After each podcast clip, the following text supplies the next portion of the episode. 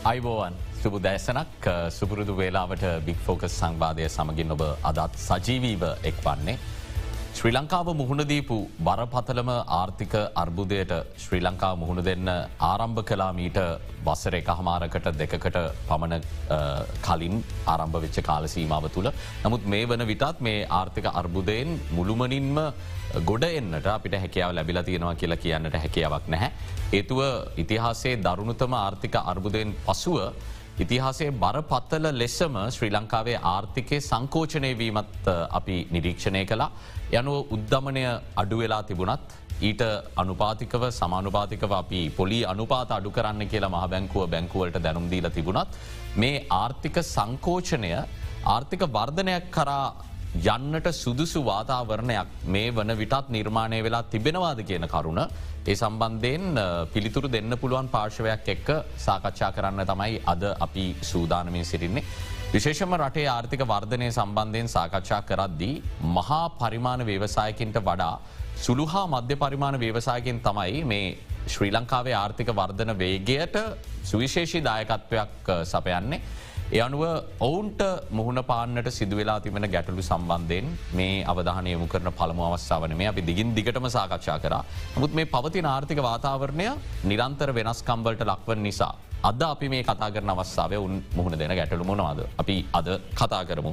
අපි ඇරයුම් කලා ජාතික ව්‍යාපාරක නිදහස් කවේ සභහපති දේශපන්දු සුසන්ත ලියනාරච්චි මහත්මයට අයිවන් කෙලවතු අයිව ඒත් එක්කම දේශය ඇඟලුම් සන්නාම සංගමය සභහපති යසෝතරන් පරමාණන්තම් මහත්මයටත් අපි ඇරම් කලා ඔබතුමාවත් අයිවන් කියල පිළිගන්න. ඒත් එක්කම ව්‍යාපෘති උපදේශකවරෙක් වන ඉංජිනේරු මිනෝත් සිල්වා මහත්මයටත් අපි ඇරම් කලා අයිවන් කියලා ඇයිබුවන් පිළිගන්න. මුඩින්ම සුසන්ත ලියනාරචි මහත්මයා. මං කැමති අපි කතා කර මීට කලිනු තවස්සා ගණනාවකදී ඉදිකිරීම් ශේෂත්‍රය මුහුණ පාලතියන අර්බුද සම්බන්ධය.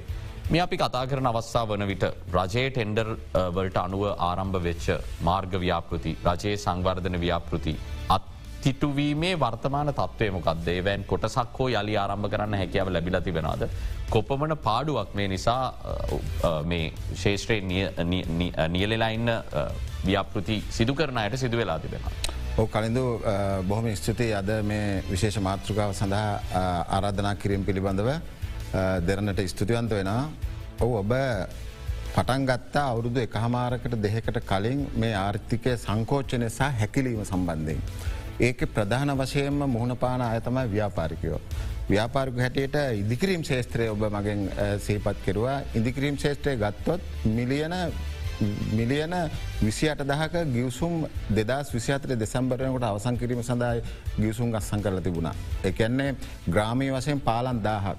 ඒ ග්‍රාමීය වශයෙන් වත් ඒ පාලන් අයිඩෙන්ටිෆයි කරගෙන නෑතාම මේක කොතරින්ද කන්ස්ට්‍රක්ෂණ එක පටන් ගන්න කියලා මොකද අනතුරුදායක ප්‍රජෙක්ස් මේ වෙනකොට නතර කරලා තියෙන. ඒවා වර්සාාවට පෑවිල්ලට මේ යකඩ අරුම දැන් දිරලා ඒවත් නැවත ආණ්ඩුට සිද්ධ වෙන ඇලොකේෂන් එකක් වෙනම වෙන් කරන්න ඒ බියෝකයක ඇනලේසිස් කරලා නැවත එකට ඇට් කරන්න අඩුම ගානේ මිලියන පාලොස් දහක් විතර යයි මංහිතන්නේ ඒවට මේ අතිරේ ඇස්තිමේන්තු හදන්න.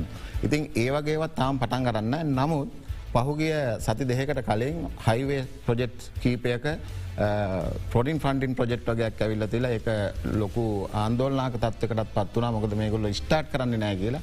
ඒ නිසා ඒටික ඉහල ශ්‍රේණිවල කීප දෙනෙකුට කැටකිරි කරලා මේ වෙනකුට දීල තියෙනවා අනිත් කිසිම ව්‍යාපෘතියක් මේ වෙනකොට පටන් කරන්න. හැබැ ඒ ව්‍යාපෘති පටන් අරගත්තේ නැති එකත් ආරම්භ කිරීමත් අපට ලොක ප්‍රශ්නයක් තියන මොකද දෙදස් විස්තුන මේ නොවම්බරන බජට් එකටවත් ඉදිරි වර්සය සඳහා කන්ස්ට්‍රක්ෂන් වලට සම්පූර්ණ කිසිම කෙනෙකුට ඒ කන්ස්ට්‍රක්ෂන් වලට අවශ්‍ය කරන මුදල් පොම්ප කිරීම සඳහා යෝජනාවත් එවන්න එපා කියලා තියෙන. එතවට අපට තේරෙනවා ඉදිරි වර්ෂයත් ඉදිකිරීම් කර්මාන්තය කියන එකට තෝතැන්නක් මේ බජට් එක තුළ නෑ කියලා. එය අනුව ඔබතුමාට සඳහන් කර මිලියන විසි අට දහස්සෙම ව්‍යාපෘති මේ වන විටත් අත්තිටවලද අත්තිටවල තියන්නේ ඒ අත්තුරල දෙන නිකන්න මේ මුදලමාත්‍යන්සේ චක්‍රලයකනයක් මගේ. එක අත් කල දැන් අපි බලන්න තනි ඉලක්කමට ගත්ත පොලි අනුපාතය තනි ඉලක්කම ගත්ත ලෝන්ස් දැන් අපි යන විසියට විසිනමේ තිහට ගිහිල තියෙන එතට යන්ත්‍රෝප කරන ඉම්පෝට් කල තියෙන ඒවට දැන් ලීසින් ගවාගන්න විදින්න ඇති බරපදල තත්ක මේ ව්‍යාපාරික ඇදකන වැටල තියන්න. හැබැයි එහෙම තියෙද්දී අපි සහ මේ යන්ත්‍රෝප කරන දිගු කාලයක් මුල්ලේ භාවිතා නොකර තිබීම තුළ මේ බය තත්ත්වය සම්බන්ධයනුත් ප්‍රශ්සාග තත්වයක් විශාල ප්‍රශ්නයක් තියන ඔබට පේ ඇති මාරකම් පැතිම නම් කියන්න ඔන්න ලොකු සමාගම්වල ඒගොල යාට කරලා තියෙන ඒව දැක්කාම ඇත්තනම හරිම කනගට දායක මේ රට සංවර්ධනය කරන්න එන්න නියමුගන්ගේ සම්පත්තික තම මේ දිරදිර යන්නේ. මේවා මේවල බැට්‍රිස් ගත්තත් මේවල වෙනත් තාම්පන්න ගත්තත් මේවා මාර විදිර දැන් සෞත්ව ලතින්න ඉ දැන් මේක බරපතරම තත්වය තමයි මේ ව්‍යාපෘති පටන්ගන්න නැති නිසා මේ පොලි අනුපාතය වැඩවීම. දැන් ඔබ කිව උද්ධමනය ගැන. දැම පොලි අනුපාතය වැඩිකරේ උද්ධමනයට සාපේක්ෂව. ඉති මේ පොලි අනුපාත ඉහල තලයක තියාගෙන ඉදිකිරීම් කර්මාන්තවත් පටන්ගන්න නැත්තං අර එස්සෙම්මි සෙක්ටර එක බර පතල විදිර කලාගෙන වැටලා තින ඒගොළොන්ගේ ඉඩකඩන් වාහන ඔක්කොම දැම්මේ එකදස් නම්සේ අනුව අංක හතර දරන පරාටේ නීති යටතේ දැන් ඒවා ගොුණු කරගෙන යන බැංකු සතු කරගන්න. ඉති මේක නිසා තමයි සෙන්ට්‍රල් බෑන්කට අපි කිව්වගේ හිල්ල කරුණා කරලා මේකට පොලි අනුපාතය අඩු කරලා දෙන්න කියලා. දැන් මේ හැම ශේත්‍රයක්ම ගත්තොත් ද යසෝල කිය යසෝලට මොකක්ද වෙලා තියන්නේ කියලා මේ සේත්‍රල ගත්තහම අපික පොලි අනුපාතය අඩු කල දෙන්න එක හැබයි පොලි අනුපාතය මහ බැංකු විසි නියෝගයක් නිකුත් කර මූල්‍ය ආයතනවලට ජුලිමාසි විසිතුන් වෙන්ද ඉඳල මේ පොලි අනුපාතය අඩු කරන්න කියලා. අඩු කරේ නෑ.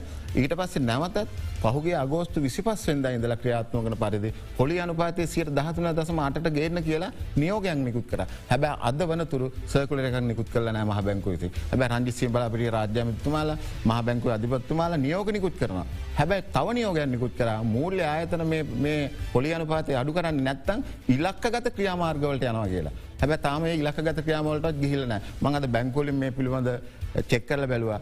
බැංකුවලට ඇවිල්ල තියන්න දැනට සර්කුලර එකක් ඇවිල තින්න මේ රත්තරම් බඩුවල පොලි අනුපාතය අඩු කරන්න කියලා විතරයි.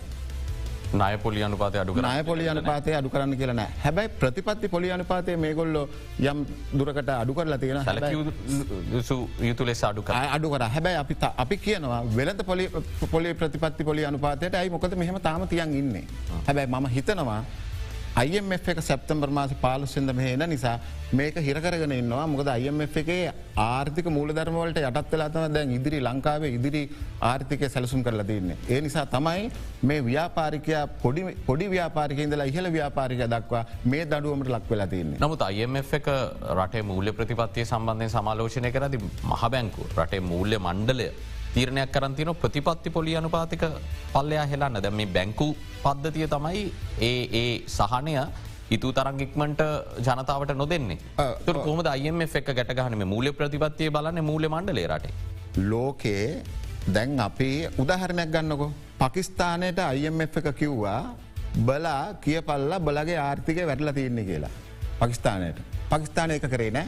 පකිස්ානය සූක්ෂම විදිර තමන්ගේ ආර්ථික වර්ධනවේගේ හිලට ගන්න උත්සාහගත් අයම එක උපදෙස් පිළිගත්තින නමු ආර්ථික වර්ධනක දේශපාල අර්බුදයක් වන පකිස්ාන නමුත් එමිසුන්ගේ ආර්ථික ආර්ථිකය දැන් පහහිදසම් පහදක්වා ඉදිරියට ගෙනත්තින කොයිඩ් එකක් නමුත් අපේ ලංකාවේ ආසියාව ගත්තොත් අපි විතරයි රින ආර්ථික තත්ව ඉන්න. හැබැ අයම දවනේ බංකුලොත් භාවයකැන් අය ගෙවා මේ සේවා කරණය කරන්න බැරිවෙන්න කලින් ඔවුන් ජාත්‍යන්ත්‍ර මුල්ල අරමුදලට ගිය. නෑ ප්‍රශ්න තියෙන්නේ කලින්දු ඒ තමයි සිදුවන්.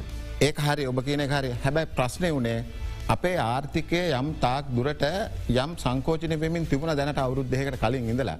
හැබැයි මහබැංකුව අධිපතිවරයා නියෝගයක් නිකුත් කර දැනට අවුරුද්ධයි මාස හතකට කලින් අපේ රට බංකොලොත් විදේශනය ගෙවන්ඩ විදියක් නෑ කියලා එතවට මුළු ලෝකෙම දැනගත්තා අපේ මේ තියන එක අපි ක්‍රිබ් එකට ගියා.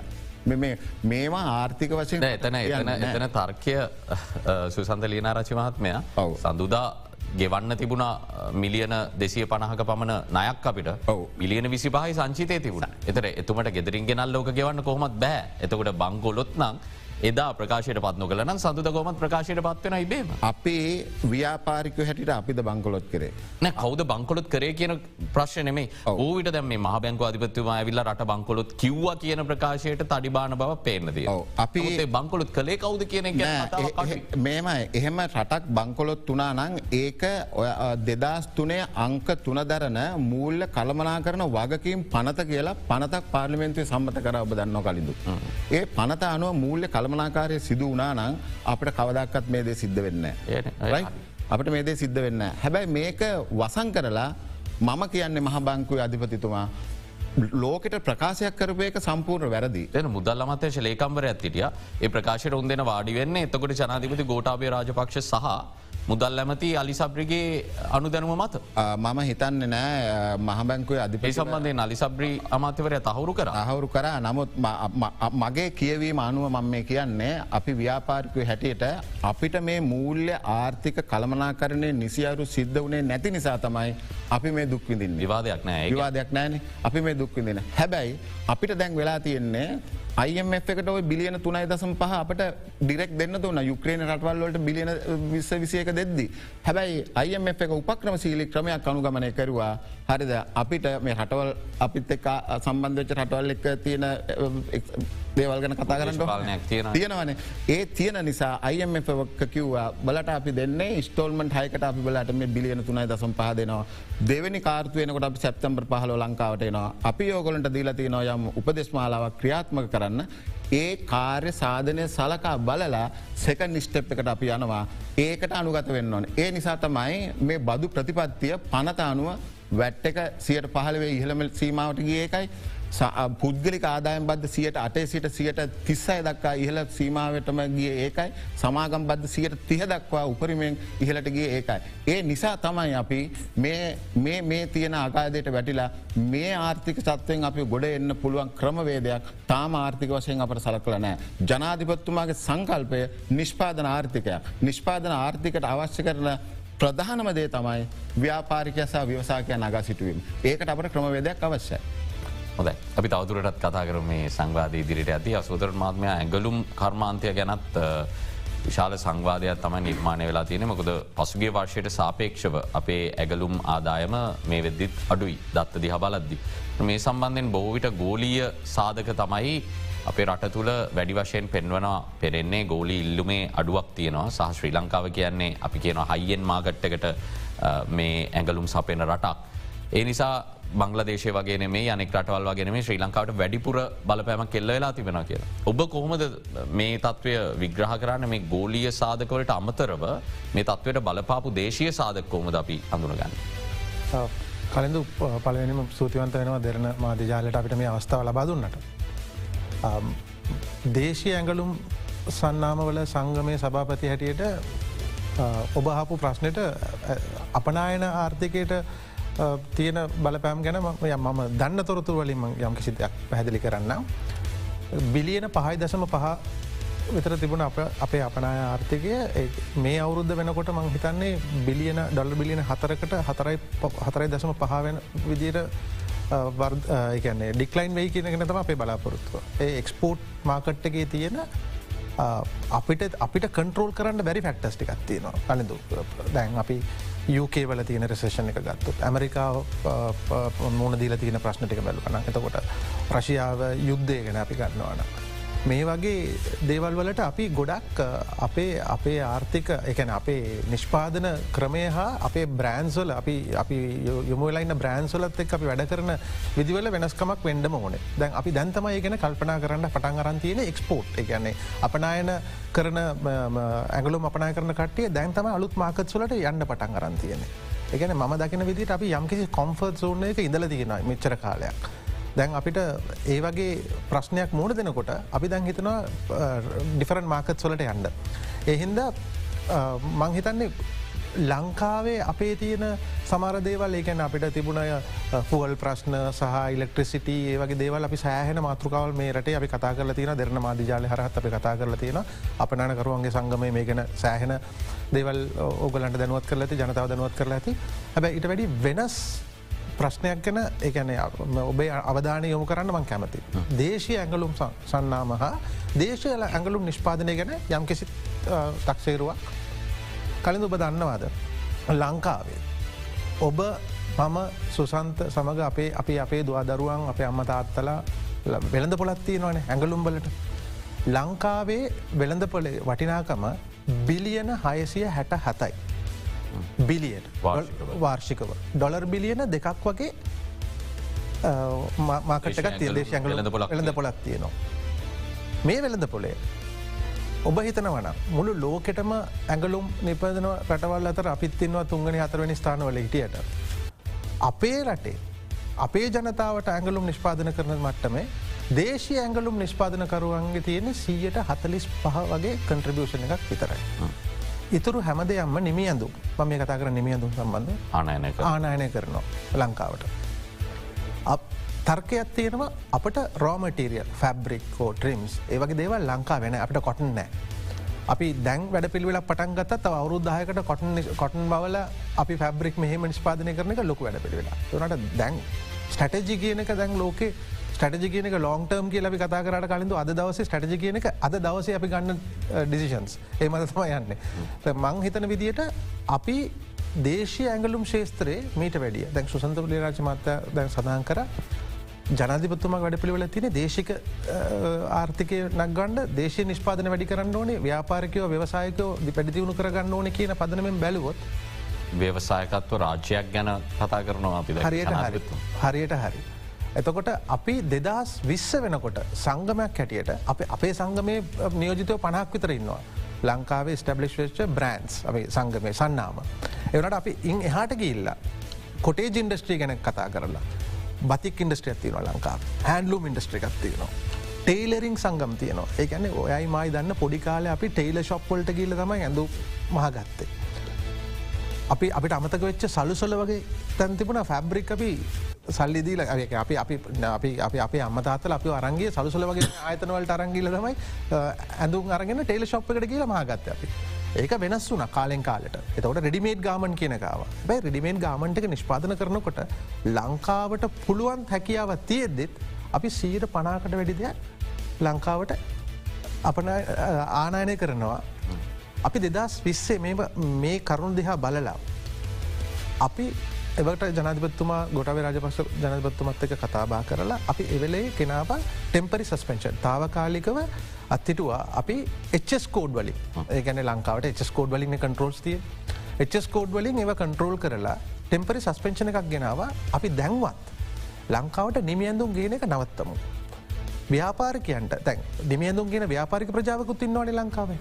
ඒගොලන්ට ෆැබ්‍රික් සහ රෝමටිරියස් ගෙන්න්නට ඉඩ දෙමු ලංකාවේ ගමෙන් ගමට ස්මෝල් ෆෙක්ටරි කොන්සප් එකක් ගේම. තැන් අපි ගාමන් මනිෆක්චරිං ගම කලින්දු කොම්පලයින්ස් ඒවගේ දේවල් ගොඩක් අදාල වෙන්නේ එක්ස්පෝට් වලට යනකොට. ඔය නමුත් ඔය සංකල්පය ගැන කතා කරද ඕක විවාධාත්මක මොකතක සංගෘත තත්ත්වයක්නේ සාමාන්‍යයෙන් අපි රට වහනවා. අපි අපි ගන්න නැහැ. ඔබ අපේ දේ ගන්න. අපි ඔබේ නිමියදුම් ගන්න අපි අපේ දේවල් අපි මසා ගන්න දැන් ලෝකය ක්‍රියාත්මක වෙන විදිහට මේ ගෝලිය නිෂ්පාදන ජාල ගැන අපි කතා කරද්දි ඕවිට විවෘතාර්ථකයක් ගැන අපි කතා කරද්දි ඔය ක්‍රමවේදය යල් පැනගිය ක්‍රමවේදයක් නෙමේද මොකද අනිත් පැත්තෙන් නිෂ්පාදන පිරිවෑ ගැන තර්කය ඔබතුමා මතු කරපු එක එනවා. ඔය රෝමටීරියල්ස් කෙනල්ලා අපි කොහොමද මේ අර ආනෑනය කරන මිලට සමහරවෙලාවට ජනතාවට ඇඳුම් දෙන්න කියන හරි හරි. කලදු ඔබගේ තර්කය සියයට සිය අපිත් එකදයි. ඒගැන අපි අපේ අයිසොලේට් වෙලා රටක් දුවන්ඩ බෑ. අපිට සම්පූර්ණ ඒකන නිමියඳුම් ලංකාවට ගෙන එක නවත්තල වැඩ කරන්නත් බෑ. එහෙම ඔච්චර කන්ට්‍රෝස් තිබිලත් ඔයා බැලුවොත් අද මාකට්ටකට ගියත් ඒත් නිමියඳුම් ලංකාවට අනයන කරලා තියෙනවා කලු කඩයක් ඇතිව නානිවා වෙනම මාෆියාව ගෙන අපි මේ අප කාලි නාස්ති කරන්න ඕන කලින්ඳ ඒ නවත්තන්න බෑපිට ඒ කන්ට්‍රෝල්ස් මෙකැනිසම් අදාලා ආයතන වගේම බාරගන්න ඕන මිසක් අපිට විවාද කරන්න දෙයක් නෑ. නමුත් අපිට තියෙනවා රුජුහා වක්‍ර බදු තියෙනවා මේ නිමියඳුම් ලංකාවට ගේනවයි. අද වේවසායිකයට පතල තින බදුටික අපි මෙච්චර දවස් ගහන කතා කරපු බදුටික මෙතුමාට අදාල බදුටික අපේ ආයතනවලටත් අදාලයි. අපි බදු සංඛ්‍යාව වැඩි කරගෙන බදු ගෙවාගෙන අපේ බදුත් එක්ක කම්පයා කරනකොට නිමියඳුම් ආනයන කරන කට්ටිය ගෙවන බද හරි ස්වල්පයි. එතකොට අපි මේ වගේ සංකල්පයක ඉන්නකොට අපි කරන්න ඕනේ රජයක් හෝ ඒකට අදාළ ආයතනයක් ව්‍යවසායකොත් එක්ක කතාබා කරලා එම බද්ධ වැඩි කරන කම්පටි වැඩ්වාන්ටේජක් ඇති වෙනවා. එතකොට තමයි ලංකාවට ෆැබ්‍රික් ගෙනල්ල මහලා දෙන ප්‍රයිස් එකයි. නිමියඳුම් ලංකාවට ආනයන කරන ප්‍රයිසකත් එක කම්පිටිෂනක් ඇතිව. හැබ බ්‍රන්ඩ් කියන ගුත්සල අපි කිසිම තර්කයක් නෑ ඒ අඳන්න පුළුවන් කටියට තමන්ට ස්පෙන්ඩි පවර ගත්තිය කටට ආර්ථික නිදස් තියන ඕන ඒවා ගේන්ඩ දේ ඕන එකට රොයල්ටිකක් තියෙනවා එකන කිසිම තර්කයක් නෑ එමිනි අප අපේ පරිභෝගයටත් ඒ අවස්ථාව ලබා දෙන්න ඕන. හැබැයි අපි රටක් හැටියට දේශය නිෂ්පාදන කියන තැන ඇඟලුම් බලත් යම්කිසි නැශනල් පොලිසිය එකක් ජාතික ප්‍රතිපත්තියක් ගෙනාව නැත්තම් මේ මොහොතේ අපි හැමදාම මේ ගැන කතා කරයි කලින්දු. ඔයත් තව අවුරුදු දහයක් ගියත් මේ ටොපික් එක අද ම සභාපති හිට තව සභාපති කෙනෙක් එන්න පුළුව සුසඳ ලේනරිම අත්ය වගේ තව කෙනෙක්වාව ගෙන්න්න පුළුවන්. අපි කතා කරනදේ ප්‍රක්ටිකලි ඉම්පලිමෙන්ට් වෙන් නැති ප්‍රශ්නයක් තියෙනවා මිසක්. කවදාවත් මේකට විසඳුමක් එන්න. හොදයි අපිට ඉතාම හොඳ මාතෘකාවක් අපි කතාවා කරමින් සිටින්නේ රටේ ආර්ථිකය ගැන සහ ආර්ථික වර්ධනයක් ඇති කරන්න කොහොමද කියන කාරණ පිළිබඳ ව්‍යාපෘති උපදේශකවරෙක් වන ඉංජිනේරු මිනෝජ් සිල්ව මාත්මයට මං යොමුයෙනවා. දැන් රටේ ආර්ථික යම්තාක් දුරකට ස්ථාවර වෙමින් පවතිනවා කියලා තමයි ආණ්ඩුවේ මතය බවට පත්වෙලා ති නොවන් පෙන්වල දෙන්නේ උද්ධමනය පල්ලෙ හට ගෙනාව. ඊට පස පොලි අනුපාත අඩු කරන්න දැන් කියලා තියෙන යනු අඩුවෙච්ච පොලි අනුපාතත් එක්ක ප්‍රාග්ධනය සඳහා යම් කිසි ආකාරයක අවස්ථාවක් නිර්මාණය වෙනවා. ඒ හරහා අලුත් ආයෝචනය කියලා. ය ඔබතුමාල මේ ශේෂත්‍රය තුළ ඉන්න අය විදිහට මේ ඔවුන් කියනදේ යථාර්ථවාදීව සිදුවමින් පවතිනවා පේන්න තියනද. තිබුණු තත්වයට වඩා හෝ යම් කිසි ධනාත්මක තත්වයක් නිර්මාණයමින් තියෙනවා. ඉස්සල්ලාම කලින්ද මම ප්‍රථමින් ස්තුතිවන්තයනවා මට අපිට මේ අවස්ථාව ලබා දුන්නට ඔබට දෙරන නාලිකාවටත් මම ඉස්සල්ලාම ඉලක්කන් කීපයකින් පටන් ගන්න. දැන් අපි රටේ අපේ GDP එක ගත්තම දෙදස් දහතුන දාහතර ඉගෙන දෙදස් දහය පහළ වතරතුර අප ඇවරේජැක් හැටියට GDP එක තිබ්බා 80 බිලියන් ඩොලස් විතර. එතකොට ඒකෙන් අපි කන්ස්ක්ෂන් කන්ස්ක්ෂන් කියන සෙක්ටගෙන් අපි GDP එකට දරපු දායකත්වය 7 බිලියන් ඩොලස් විතර තිබ්බ. අසුවෙන්. දලවශයෙන් අසු අසුවක තිබ්බෙකින් හත් බිලියන හතක්ම අතක් විතර ඒ ගැන නියලි 9%ටන් විතර.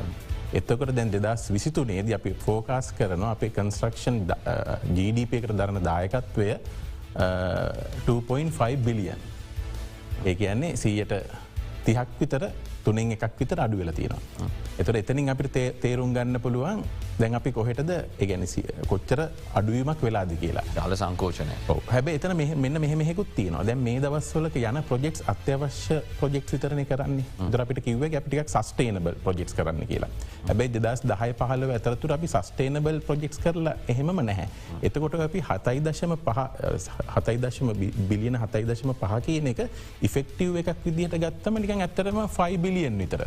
ඒකන්නේ තව සීයට විසි පහක් විතර වැඩක් නැහැ. ගිල්ල කොහෙ අපතේ අපතෙගේ ව්‍යාපෘති. දොර එහෙම බලදි දැන් පේන අපේ භාගයක් විතර අඩු වෙලා. තුර ඒකෙන් දැන් කන්ස්්‍රක්ෂන් ගත්තම කන්ස්්‍රක්ෂන් අපේ ලොකු දායකත් එස්ම සෙක්ටගේ ලොකු දායකත්වයක් තියන තර කන්ස්ක්ෂන් ෆර්ම්ස් කම්පැනිස් තියනවා ඒ කම්පැනිියෝල එකන පවුල් ඒ ඒ කම්පැනි එක් ගණු දෙනතර තව ගොඩා කම්පැනි ලොකු අප සරයත්තින මේ සෙමි සෙක්ටගේ. එතකොට දැන් අපිට අපි බලන්න ඕනේ IMF එකත් එක්කත් අපි ගණු දෙනු කරද්දි මම දැන් එන්න ලෝක කොහොමද කන්ස්්‍රක්ෂන් යන්න කියලා? දෙදස් විසිතුන වෙද්දී ලෝකේ ලෝකයේ GDP එකින් කන්ස්්‍රක්ෂන් කියන එක 7.2 ට්‍රිලියන් එකන බිලියන හද්දස් දෙසීයක්. දෙදස් විසිතුනේ. ඕක දෙදස් තිහවෙද්දි යන්න තියෙනවා ට්‍රිලියන දා හතරකට ඒකන්නේ බිලියන දා හතරක ඩොලස් එතකොට ඒක යන්න හේතුව තම ඒ ඔක්කොම කන්ස්ක්ෂන් වැඩිපුරම දායකත්වය දක්වන්නේ ඒසියා ෆැසිෆික් කියන රීජන් එක. ඒගැන ආසියාවේ සෙන්ට්‍රල් ආසියාවයි බටහිර නැගිනිට පැත්තට වෙන්නයි. එතකොට ඒකට ප්‍රධාන හේතුව තම එක පොපලේෂන් ග්‍රෝත් එකක් තියන ඩියවලප් කන්ට්‍රීස්වලට වඩ අනිත්තක තම ගොලගේ පොලියනු පාතය ගොඩ පහල දාලා තිනවා ඒකෙන් තම එගොල් වරක බූස්ට එකක් ගන්න. එතකොට අපි මන් තාම කොහෙවත් දැක්කනෑ අපේ ඔය සෙන්ට්‍රල් බෑන්ක එක හෝ මේක ඉන්නවන විද්‍යවත්තු ගවමන්ට එක නියෝජනය කරන මං කොහෙවත් දැක් අපි කොහෙවත් දැකලනෑ තාම රෝඩ් මැප් එක ලෝකේ තියෙනවා ට්‍රිලියන හතකින් වැඩි වෙනවා. කන්ස්ක්ෂනල්ට දරන GDP එක ඒකන බිලියන හද්දහක්. ඔය හදහන් අපිට කියක් ගන්න පුළුවන්ද අපි ගෙඩිය කඩාගන්න එපේ.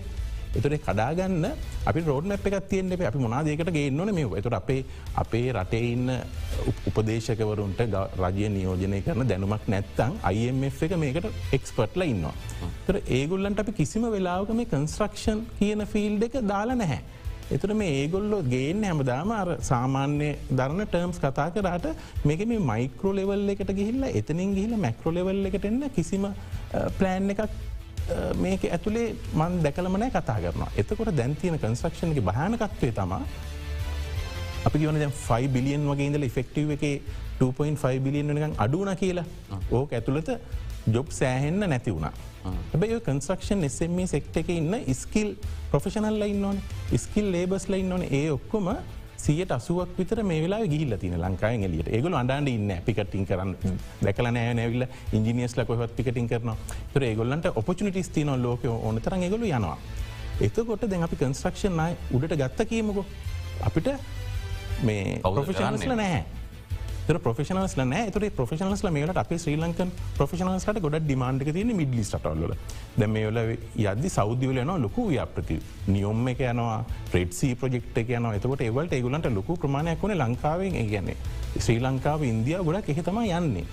එතකොට ඒ යනයි කවදක්වත්තාය මෙහෙන්න ඒගොල්ල එතන සහ ඒ ඉදලා ඊට පස්සෙක රිටයි වෙදකල මයිග්‍රේට් කරන ගොඩක් වලට ඉංජිනියස්ල කැනඩ ඒ කැනඩ ඔස්ට්‍රේලිය වගේ රටවල්ලට යුකේ මයිග්‍රේට් කරනයි මෙහට එන්නේ. අනිත් භයනක තත්වය තම අපිට තාමක් මං මේක ගොඩක් අපිට අපි කතා කරන්න අවශ්‍ය තැන්වල කතා කරනවා අපිස්සර යුනිස් දෙම යුනිසිටිං අවට්ේ 2005. අපි දෙදස් පහ අවට්වෙද්දී අපි ජොබ්බලට ෆ්‍රෙශ්ක් කෙනෙක් හැටියට ඇද්දී අපිට උඩි මෙන්ටෝ කරන්න ඉන්න අපේ සීනියස්ලා ඇඩ්වයිස් ගන්න.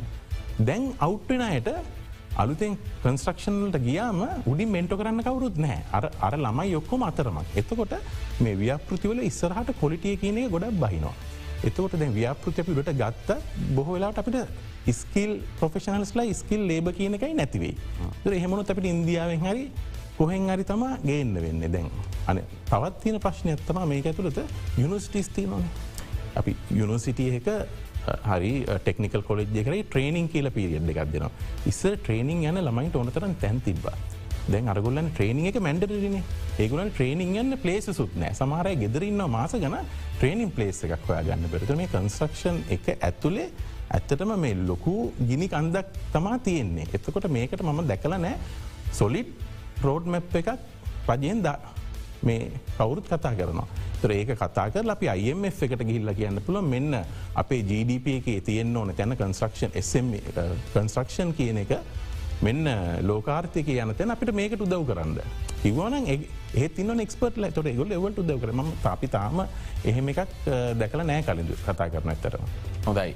මේ ව්‍යවසායකින් සමඟ වෘතිකින් සමඟ සාකච්ඡා කරන මේ අදහස් යෝජනා ඉතාම බැදගත් මොකද අපි තීරණාත්මක සන්ධිස්ථානයක රටක් විදියට ඉන්න. මේ සංවාදය තවදුරටත් අප ඉදිරියට ගෙන යනව. තව බොහෝ දේවල් තියෙන විමසන්න. ඊට මත්තෙන් කෙටි විරාමයක් ලබා දෙන්න ඉක්මනින්ම අලිත් හමු.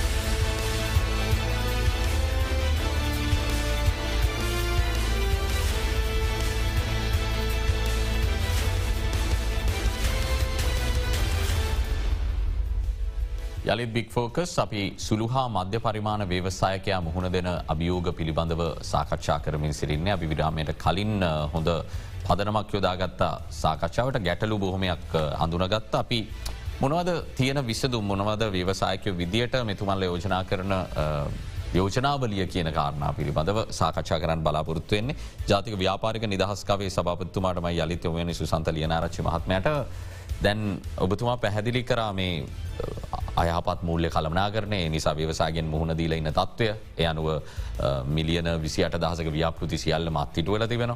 දැන් මේව යළි පටන් ගන්න නං ඔබතුමාලා මේ වෙද්දි රචයට ඉදිරිපත් කරල තියෙන යෝජනාමකත් දෙක ජනතාව දැනගන්න අවශ්‍යයි. මොකද ඒ ඇයි ක්‍රියාත්මක නොවෙන්නේ කියන කාරණාව ගැන තවට ජනතාවට ප්‍රශ් කරන්නට ඔව. මං ඔබට මෙහෙම පටන් ගන්නන් ඒක. ඔබ දන්න සිවිල් සංවිධානයක් තියනව ලංකාවේ මගෙන් රට සංවිධානය කියලා. මේ සංවිධානය විසින් ඇති කරලා තියෙනවා මහජනතාව මහජනතාව ආරක්ෂා කිරීමේ මෙහුම් මධ්‍යස්ථානය කියල මධ්‍යස්ථානය කොළපතිනවා. මම ඒක මාධ්‍ය ප්‍රකාශකවරයා. ලංකාවෙ සහ විදේශගත සියලූම අය අපිට ප්‍රශ්නගත කරුණු ඉදිරිපත් කල්ලා දෙනවා දේශය වශයෙන් ව්‍යාපාරිකොත් එක්ක. ඒගොල්ලොන්ගේ මූල්ලිකම කරුණු තුනක් තියෙනවා. මේ සුළුහා මධ්‍යම පරිමාණය ව්‍යාපාරිකයා නගා සිටීමේ වැඩ පිළවලා. දැන් අපිට ප්‍රශ්නගත ප්‍රධාන කරුණු දෙක තමයි බදු සහ පොලි අනුපාතය වැඩිවීම. මේ දෙකම තියාගෙන අපට වැඩ කරන්න බෑනේ. මේ දෙකත් එක්ක අපේ නිෂ්පාදන නිෂ්පාදනය වෙනද පොලේ මිලදී ගැනීමේ හිගතාවයක් තියනවා. පැහැදිලි. ඒක දරුණුවටම බලපාලන තියන්නේ. දැ මේක බදු අනුපාතය වැඩි කරලා පොලි අනුපාතය වැඩි කරලා තියද අපේ නිෂ්පාදන වෙරඳ පොලට දුන්නා මේ වෙරඳ පොලේ මිලදී ගැනීමත් තියෙන් ඕනේවා. ඔබතුමා යෝජනා කරන මේ බදු සහ පොලිය කියන දෙකම පහලට ආයුතුයි කිය. සාධාරණ බදු ප්‍රතිපත්තියක් අනුගමනය කරහම ඒක අපි බදු ගෙවන්න ඕන රටක ලෝකෙ රටවල් බදු බදු ගෙවනවනේ හැබැයි අපේ රටේ බදු අපි ගෙව්වට ඒ බදුවල විනි විධභාවයක් නෑ. ද ලෝක රටවල් ගත්තාම බදු ප්‍රතිපත්තියක් තියන ලස්සනට. ඒ බදු ප්‍රතිපත්තිය මාර්තු මාර්තුමාසේ දොළොස්වෙන්ද රෑ එලි වෙනකොට මේ විද්දුත් සේරම මේවලට දාලා පෙන්න්න මෙච්චර බදු ප්‍රමාණයක් ගත්තා. මෙන්න වියදම මෙන්න ඔබලට දෙන බෙනිෆිට් එක. නමුත් අපේ රට තියන ප්‍රශ්ය සුසන්තලයන රචමත්ම මේ බදු දැල පුළුල්ලෑනේ බදු ගෙවන්නේ බොහොම ටික දෙනයි. ඒ ටික දෙනාගෙන් තමයි මිරිකලා බදු ගන්න. ද ඒක වැරදි තත්ත්වයක්. නමුත් දැ මේ බදු දැල පුළුල් කිරීම කියන කාරණාවට දැන් ආණ්ඩුවේ තර්කය මං ඉදිරිපත් කර. එකට කල් ගත වෙන මේකට තාක්ෂණ යොදා ගන්න ඕනේ යම්කිසි ක්‍රියාවලියක් තියෙනවා නමුත් මේ වෙලා රාජාදාම ඉහල් ලංවාගත යුතුයි එහම නොවනොත් අවදුරට මුදල් අච්චු ගහන්නවා අනි පැත්ත උද්දමනය හලයන. දැන් ඒ නිසා බදු දැල පුළුල් කරන්නට කාල යන කාලය තුළ ෘත්තිකයින් ව්‍යාපාර මේක දරාගන්න ඕනි කියරතම හන්ඩු කිය. මෙහෙමයි. රටක ආර්ථිකය මේ තරමට ඔබ කිව්ව වචනෙන් හැකිලිලා තියෙන්නේ සංකෝචනය වෙලා තියෙන්නේ මේ ව්‍යාපාරිකය නිසා නෙමේනේ. මූල්‍ය කළමනා කරන පද්ධති තින් දුර්ලතා නිසාන. නමුද ගොඩ එන්න ව්‍යාපාරිකව තමයි ඉරිගන්න ගොඩ එන්න ව්‍යාපාරිකය විතරක් නෙමේ සාමාන්‍ය පුද්ගල ඇත්මිරිකනවා ඔව සියලුම දෙන මිරිකනවා. රාජ්‍ය නිලධාරයකට මිරිකන මේ රටේ බදු ප්‍රතිපත්තිය සාධාර බදු නොගෙවයින බොහෝ පිරිසක්කින්න ඒ බදු නෝගිගයින් ප්‍රධාන පිරිස ඉන්න වගේ ගෝටාබේ රාජපක්ෂ ඉන්දදි මිලියන නමසි හටක් කපහැරිය ඇයි ඉහල ඉහල ව්‍යාපාරිකගේ බදු.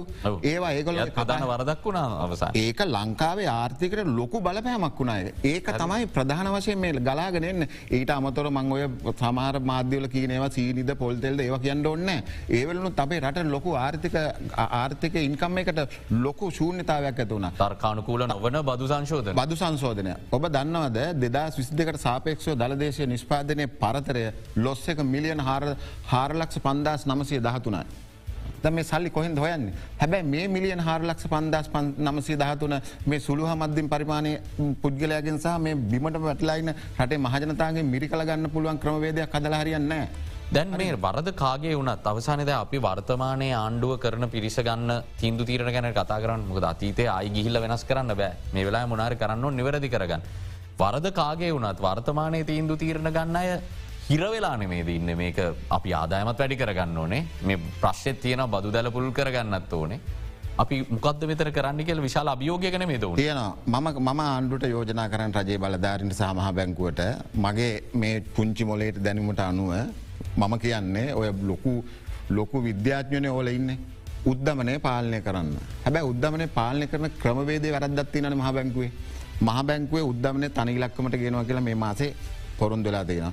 හැබැයි මහබංකුවේ අධිපත්තුමා ගිනුම් කාර්ක සභාවට පාර්ලිමේන්තුර ගිහිල්ලක් කියනවා එතන සංවාධයක් ඇතු වෙලා හර්ෂට සිල්ලත් එක්ක කියනවා ඔබල කියනවා නං මම උද්ධමනය සියට දහයි සීමාව තියාගන්නන් කියලා. මොකක්දේ කතාව. එතකොට අපට පේනවා ලංකාව ඉම්පලේෂන් එක තියෙනවා ආහාරවලට හරිද? ලොකු ලොකු අර්බුදයක් කට තුළ මාකට්ගේ තියෙනවන. මිනිස්සු මිලදී කියනම් කරන්න ආහර වෙහෙල්දේකට සීම වෙලා මිලියන් හතත් දරිතතාවෙන් පෙළෙනවා. අමන්ද පෝෂණය ඇතිවෙලා ළමයි හතලිස් පන් ලක්ෂයක් ඉන්න ලංකාව පාසල් දරුදරියෝ. පන්න දෙන්න විදින්න ජාතික පාසල් වල ඉන්න ළමයි ගමේ පාසලට ගෙල්ල තියෙනවා නිලධාරී. මේ ආර්ථිකය තියෙන බරපතර තත්ත්වය හඳුනා ගන්න ඕන මේවා. මේ රටවල් වැටුන හම ඉන්දියාව ගන්න බේ අපේ ළඟම රටනේ. ඔය දැන් ගෙනාවන ගලෝබල් ෆයිනන්සල් සඟරාවෙන් අධි මහබැංකු අධිපතිවරයක් පලවෙනිට මාවන ඉන්දියාව ඇයි එහෙමාවේ උද්ධමනය පාලනය කර ආර්ථිකය ඉලක්ක ගත ක්‍රමයට ගෙනවා. පොලි අනුපාතය කළමනා කරණය කර. හරිද විදේ සංචිත කළමනා කරය කාරය. මෙන්න මේ කරුණු හතර කාර්ය සාධනය කරලා තමයි මහබැංකුව අධිපතිවරු ඒ මයිනස් ඒ කියන ක්ලාසස්වල්ට ඇතිකරේ. හැබැ අපේ අපේ මහබැංකු අධිපතිවරයා ඒ මයිනස් කාණ්ඩේ විස්සෙන් එක්කෙනෙක් වුණා. හැබැ අර මංකිව ප්‍රධාන කරුණු හතර ලංකාවේ හරියට කළමනා කරන කරනෙත් කියලා තිබුණ අපි මෙහෙම කතා කරන්න ෑන මේ ආර්ථිකය ගැන. අපි හෙම කතා කරන්න ෑ. බදු ප්‍රතිපත්තියක් සාධාරන බද ප්‍රතිපත්තියක් දෙන හැබැ අප ප්‍රතිපත්තියට කොමත් මහබැංක අධිපතිවරට කරන්නයක් නෑන ම කියන කරුණු දෙක පොලි අනුපාතය අඩු කරලා බදු ප්‍රතිපත්තිය සාධන් හැබැ බදු පත්තිපත්තිය සාධාරණය කරන්න නෑ කියලා අපට ඒ ඔබ මාධ්‍යයෙන් දැක්කා හටේ ජනාධිපතිවරයක් කියනවා නැවත බදු සංශෝධනයකට යටත් කළ පාර්ලිමෙන්තුය අනුමැතියක් දෙන්න කියලා. ඇයි මේ මේ බදු පනත යටතේ අපි ඉහලම මට්ටමට අපි ගෙනල තියන්නේ. හැබැ ඒකෙන් එහට යන්න තමයි දැම්මේ හදන්න. ඒකෙන් එහට ගියෝතින් කොමත් මේ වස්සරේන අලුත් බදු කිහිපයක් තිබුණ තියන තියන තියන දෑවැදි බව තියෙන ලොකු බදු බදුටිකත් තියෙන ඉති ඒක නිසා අපි හරි බරපතල ආර්ථික අර්බුදක වැටනො මේ බදු සංශෝධනයක් ගෙනෙල්ල පාර්ලිමෙන්තුවේ සම්මත කරලා දුන්නොත් ඊළඟට නැවත පනත සංශෝධනය කරලා දුන්නු ගමන් අපට නැවතත් බදු ඉහල තත්වකට ගේනවා. ඊට පස්ස මේ පොලි අනුපාතය අපට හිතන්න බෑ අඩු අඩු මට්ටකම තියයි කියලා. මොකද රටේ දැන් දැම්බලන් ලෝකයේ බොර තෙල් මිල අඩු වෙලා තියෙද්දී. ලංකාව තෙල්මිල ඉහල දාලතිනවා. හරි නම දැම් ලෝක බොරතෙල් මිල ඉහලයමින්තිය. ඒ ඉන්ටර්නශනල් මීඩිය රිපෝට් එක බලන්න අරගෙන මම බලල කියන්න වගකීමේ ඔපෙක් සංවිධානය ඒකම රුසියාව ඇතුළ රටවල් නිෂ්පාදන කප්පාදුවකට ගියා. මාසතුනකට දීර්ඝ කරා දෙසැම්බර් දක්වා. එනිසා ඩොල අනුව බැරලෙක්ම වගේ ඒදිනේ මේ වෙදි තියෙන ට්‍රෙන්ඩ් එකත් ලෝක වෙද පොලේ බොරතෙල් ඉහලම අපිට අපිට එහෙම නෙමේන අපිට කියන්නේ. අපිට කියන්න බොරතෙල් මිල අඩුවට තියද්දිත් අපේ මේ තෙල්මිල වැඩි කරන්න අවස්ස මම හරි. ෆැක්් එකක් මං මේක මේ තියෙන මේ දැ මේක මං ඔබත් එක්ක සංවාධ කරන්න යන්න. නමුත් අපිට ඒකයි පොලි අනුපාතය අඩු කරලා දැම් මේ නය තියනන නය ප්‍රතියෝගත කරගන්න ඕන විදේශනය ගෙවන්න ගෙවන්නෙත් නෑන තම. ඒකට පොලියත්තාව එකතු වෙලා එනකොට අපට බිලියන සියක විතර නයක් ගෙවන්න වේ විදේශ රටවල්ලට හැබැයි අපි කියන්න මෙන්න මේක සාධාරණ කරලා දීලා අපේ ව්‍යාපාරිකයට නිෂ්පාදන ආර්ථිකය අපේ නිෂ්පාදන ආර්ථික ලෝක වෙළඳපොලට විවෘත කරලා දෙන්න. ඒ විවෘත කරලා දෙන අවස්ථාවද එක්ස්පෝට් එක අඩු කරලා දෙන්න. එක්ස්පෝට් එක් අඩු කරලා දෙන්න. අපිට තව බොහෝදේ කතා කරන්න තියෙනවා. සෙසු ආරාධිතයන් දෙපලට යමගෙන්න්නටත් ඕන. ඊට මත්තෙන් මං කැමති කෙටි විරාමයකට යම විරාම අනතුරුව යළිත් තමන.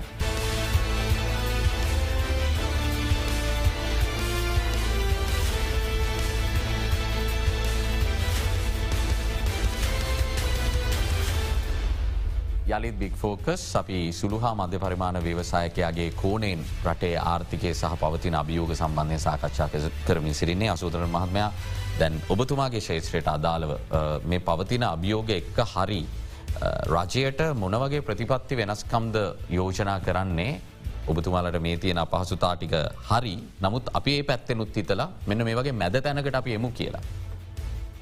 කලින්දු හොඳ ප්‍රශ්නයක්. දැන්නම් ඇත්තරම මහන්සි ඔයාපු ප්‍රශ්නයට උත්තර දෙන්න. ඇයකිවුවොත් ඔය ප්‍රතිපත්ති මාලාව දෙදස් විස්සේ පටන්. ස්ලාබ මනිෆෙස්ටෝ ශ්‍රී ලංක නැපැරල් බ්‍රන්් සෝසිේෂන්ස් මනිෆෙස්ටෝ මට කලින් හිටපු සභාපත්තුම එතකොට ඒවට මම ලේකම් අපි දෙන්න ඔය දෙක ඔය ප්‍රපෝසල එක අරගෙන ගිය නැති තැනක් නෑ. හම්බෙච්ච නැති මන්ත්‍රීවරු නෑ. ඇමතිවරු නෑ ජනාධිපත්තුමා ජනධිපති ලේකම් අග්‍රාමාත්‍යතුමා මුදල් ඇමති ඒ කාලේ හැමෝටම මේ ප්‍රතිපත්ති මාලාව කම්පලීට් පැකේජ එකක් හැටියට. අපි මේ අපේ මේ බ්‍රෑන්ඩ් ඕනස්ල ඇත්තරම උගත් බුද්ධිමත් කට්ටියක් ව්‍යවසායක. අපි හැමෝම එකතු වෙලා හදපු ප්‍රපෝසල් එක අපි ඉන් ඩීටේල් එකන ලංකාවට මේ කරන අපේ ව්‍යයාමෙන් කොච්චර ආදායමක් රටට ගේන්න පුළුවන්ද? ඊට එහා ගිය අපේ සන්නාම පිටට වෙළඳ පොලොල් වල කොහොමද අපි පැඩිදිවුණු කරන්නේ? අපිට කොහොමද අපේ බ්‍රෑන්ස් කලඳු අපි තේකොල බ්‍රෑන්් එකක් අපි ගැන කතාකරුත් එකම එක බ්‍රෑන්් එකක් ලෝකපුර අපේ ලංකාව නිෂ්පාදනගෙන අපි ප්‍රෞ්ඩ අපි ගොඩක් අඩම්බර වෙනවා. හරි. ඒ වගේම අපේ සමාර බ්‍රෑන්ස් ලෝකේ ලෝකෙ පොෆෝම් කරන විදිිය ගැන. ඒත් ගොඩක් අඩුයිනේ. ඇඟලුම් ශේස්ත්‍රය ඉන්න අපි ඇඟලුම් ගැන ඔච්චර ප්‍රෞඩ අපි ලොකු ඉතිහාසයක් තියෙන අපි අපේ ඇඟලුම් බ්‍රන්ස් කියද්ද ලෝකට ගිල්ල ලෝක ජාරන් තියෙන කියන මට්ටමයින් ඒත් අපිට මේක කරන්න පුළුවන් වැඩක්. එහින්ද කම්පලීට් වර්ටිකල් එකේම අපි ස්ලාබ මනිෆෙස්ටෝ එක හැම හැම දෙයක්ම ඉන්කලුඩ් කරලා අපි හදපු ප්‍රපෝසල් එක ඇත්තරම කලින් මංහිතන දැන් ඔයාගේ ඇති විතර යෝක නැත්තේ. හෙට වෙනකොට යාට ලැබෙන්ට සලසන්නන් කියවන්න. ඒ තරමට අපි මහන්සි අපිට ඔය ප්‍රපෝසල් එක ගෙනියලා අපිට සෑහෙන මාස ගනන් අපේ සංගමයට අපි වියදම් කරලා රිසර්ච් කරලා ගත්ත ඩේටත් එක් අපි කරේ. පොඩිපොඩි දේවල් ඉල්ලුවේ. අද කලතු ශ්‍රී ලංකන් බ්‍රන්ස් පලටෆෝර්ම එකක් තියෙනවත් අපි මේ කතා කරන 2 බිලියන් 3 බිලියන් ටරිස්ට ලංකාවට එන ව්‍යාපෘති ගැන. ඒකන බැක් පැකස් ලනවද ෆෝඩබල් ටරිස් ලනව ගෙන වෙනම තර්කය. ඒත් ශ්‍රී ලංකන් බ්‍රන්් පලට්ෆෝර්ම් එකක් ලංකාවේ ඇඟලුම් විතරන්නේනේ ඒක හැන්ක්‍රාෆ් පෙන්ඩ පුළුවන්. හැම දේකටම ලංකාව පවිලින එකක් කියන්න ගීල බන්නපුළ ඔයා මේ තියෙන සුප අපේ මෝල් සොල ගීල බලන්ඩ ඉන්ටර්නශනල් බ්‍රන්ස් තියන්නේ. ලංකා මිනිස්ට ෆෝඩ් කරන පුළුවන්ද? ටෝරිස්ටලා ලංකාවටන ටූරිස්් ඉන්ටර්නශල් බ්‍රන්ඩ් එකක් ගනීද? එයාගේ රටේ මුච්චර තියද්දි කම්පලීටලි ප්‍රතිපත්ති ප්‍රතිපත්ති වලින්ම අපි වෙං වෙලා තියෙන්නේ. ඒවගේ දැම් නෙලුම් කුලන වගේ තැනක.